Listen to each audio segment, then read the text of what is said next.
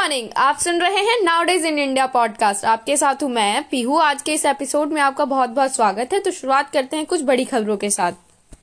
बंगाल में आठ चरणों में वोट। बिफरी ममता असम में तीन दिन, तमिलनाडु, पांडुचेरी, केरल में एक दिन चुनाव। विशेष संवाददाता नई दिल्ली। पाँच राज्यों में विधानसभा चुनाव की तारीखों का शुक्रवार को ऐलान हो गया। आयोग ने पश्चिम बंगाल में 27 मार्च से 29 अप्रैल के बीच आठ चरणों में चुनाव कराने की घोषणा भी की। असम में तीन चरण में और तमिलनाडु, पांडुचेरी और केरल में एक एक चरण में वोट पड़ेंगे। शुरुआत 27 मार्च से पश्चिम बंगाल और असम से होगी। बंगाल में आठ चरणों में बासठ दिन के चुनाव कार्यक्रम पर वहाँ की मुख्यमंत्री ममता बनर्जी ने सवाल उठाए। ममता ने कहा, एक ज़िले में दो तीन चरणों में चुनाव क्यों? जो बीजेपी ने कहा, चुनाव आयोग ने वही किया। निगम में भी आई आम आदमी पार्टी तो होगा दिल्ली का दोगुना विकास। विशेष संवाददाता नई दिल्ली। नगर निगम उपचुनाव के लिए प्रचार अभियान खत्म हो गया है। इससे पहले आम आदमी पार्टी ने कहा कि एमसीडी अपनी ज़िम्मेदारी निभाने से फेल साबित हुई है। आपके वरिष्ठ नेता और विधायक राघव चड्ढा ने कहा कि दिल्ली की सफ़ाई व्यवस्था, छोटी सड़कें और गलियों को बनाने एवं पार्कों को साफ़ सफ़ाई व सौंदर्यकरण की ज़िम्मेदारी एमसीडी की है। लेकिन बीजेपी शासित एमसीडी इन तीनों मुख्य ज़िम्मेदारी में फेल हो रही है। उन्होंने एमसीडी में भ्रष्टाचार का मुद्दा उठाते हुए कहा, आम लोग एमसीडी की कार्यप्रणाली से बहुत परेशान है। राघव ने दिल्ली की जनता से एमसीडी उपचुनाव में आम आदमी पार्टी को वोट देने की अपील की। चड्ढा ने प्रेस कॉन्फ्रेंस में जनता से आम आदमी पार्टी को वोट देने की अपील करते हुए कहा, राज्य के साथ साथ अब एमसीडी में भी केजरीवाल की सरकार होगी तो डबल इंजन की गाड़ी से तेज विकास होगा। एमसीडी में भी जब केजरीवाल की सरकार होगी तो दिल्ली में विकास की गति दुगनी हो जाएगी। इससे बीजेपी शासित एमसीडी ने पूरी तरह दिल्ली को कूड़ा करकट कर दिया है। एमसीडी अपनी संवैधानिक जिम्मेदारियों को निभाने में नाकाम हुई है।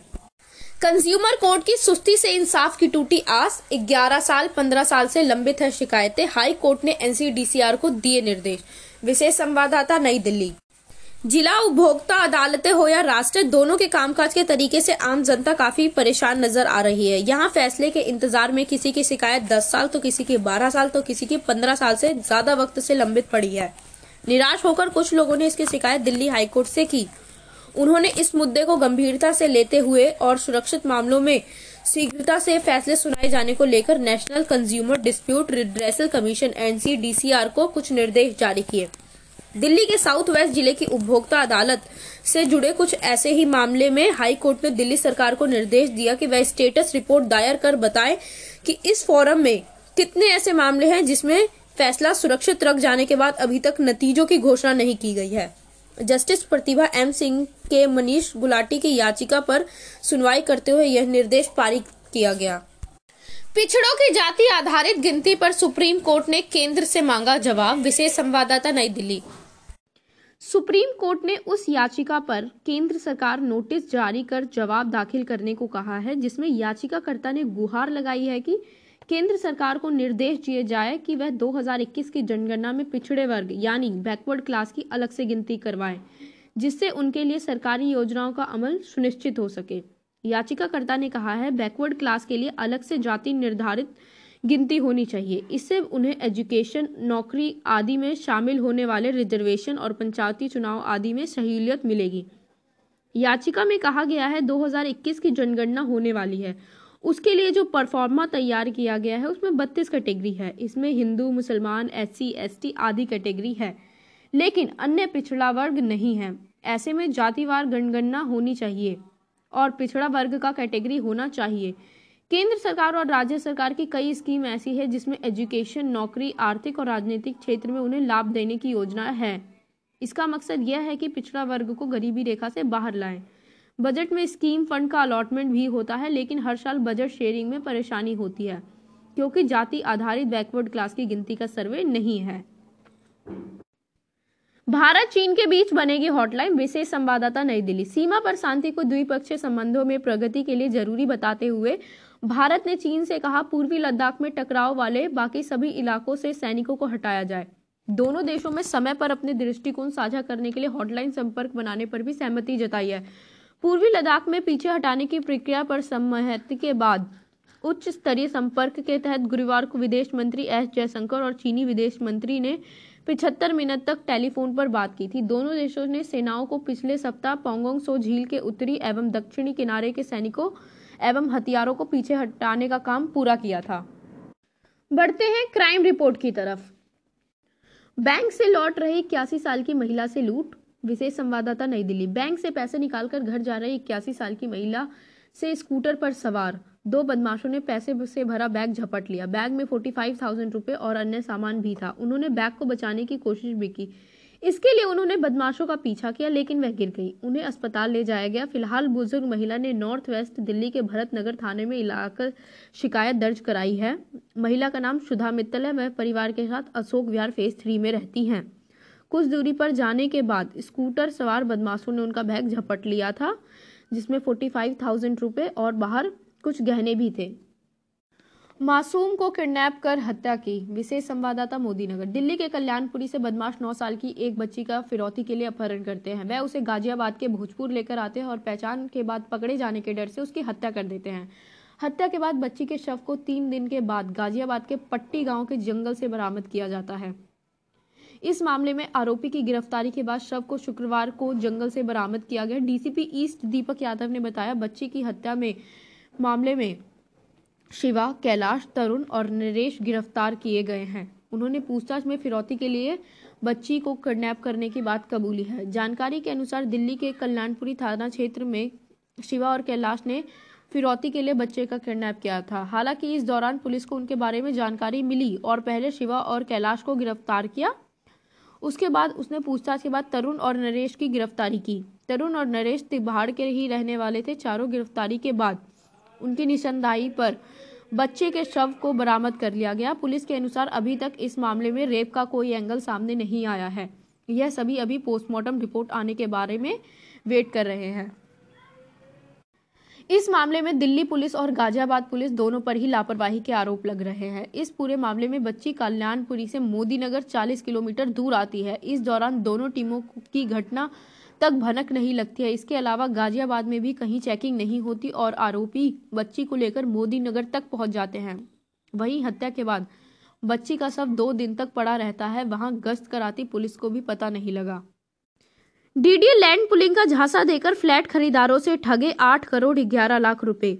विशेष संवाददाता नई दिल्ली। डीडीए की लैंड पुलिंग पॉलिसी की आड़ में फ्लैट खरीदारों को धोखा देने के मामले में एक आरोपी को अरेस्ट किया गया है। आरोपी का फ्लैट झांसा देकर सोसाइटी के पदाधिकारियों ने 290 लोगों से 8 करोड़ ग्यारह रुपए लोगों से ठगी का मामला सामने आया है। दिल्ली पुलिस की आर्थिक अपराध शाखा ईओडब्ल्यू ने प्रहलाद अग्रवाल उम्र 45 को गिरफ़्तार किया। वह रुद्र वेलफेयर सोसाइटी में कोषाध्यक्ष है, जो आमदनी और खर्च का हिसाब किताब रखते हैं। सन की युवक ने कपल पर किया जानलेवा हमला। विशेष संवाददाता डाबड़ी। एक तरफा जुनून में एक महिला और उसके पति की हत्या का प्रयास करने का आरोप में एक युवक को डाबड़ी थाने की पुलिस टीम ने गिरफ़्तार किया है। आरोपी की पहचान राहुल सांग सिंह उम्र उनतीस के रूप में हुई है। पुलिस ने वारदात में इस्तेमाल हुए हथियार को बरामद कर लिया है।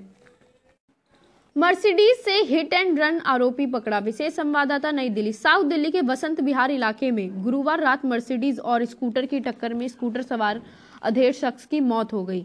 मृतक की पहचान जेम्स एंथनी पचपन के रूप में हुई है।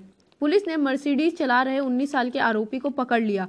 उसका नाम आर्यन जैन है। हादसे के बाद वह फरार हो गया था। लेकिन मौके से मिली कार के नंबर से पुलिस उसके घर तक पहुँच गई। आर्यन के पास लर्निंग लाइसेंस था। पिता सुशील जैन का साकेत मॉल में ज्वेलरी का काम है। आर्यन के मेडिकल में शराब पीने की पुष्टि नहीं हुई है। उसका कहना है कि स्कूटर अचानक सामने आ गया। बचाने की कोशिश में कार ड्राइवर और पेड़ से टकराई आर्यन को थाने से बेल मिल गई है। शुरुआत करते हैं कोविड बुलेटिन की तरफ़। हर सेंटर पर 90 लोग तुरंत करा सकेंगे रजिस्ट्रेशन, उसके बाद लगेगी वैक्सीन। विशेष संवाददाता नई दिल्ली। कोविन 2.0 का सॉफ्ट लॉन्च एक मार्च को हो रहा है। इस प्रक्रिया में सभी लोग वैक्सीन ले सकेंगे जो 60 साल के हैं या एक जनवरी 2022 को 60 साल के हो रहे हैं।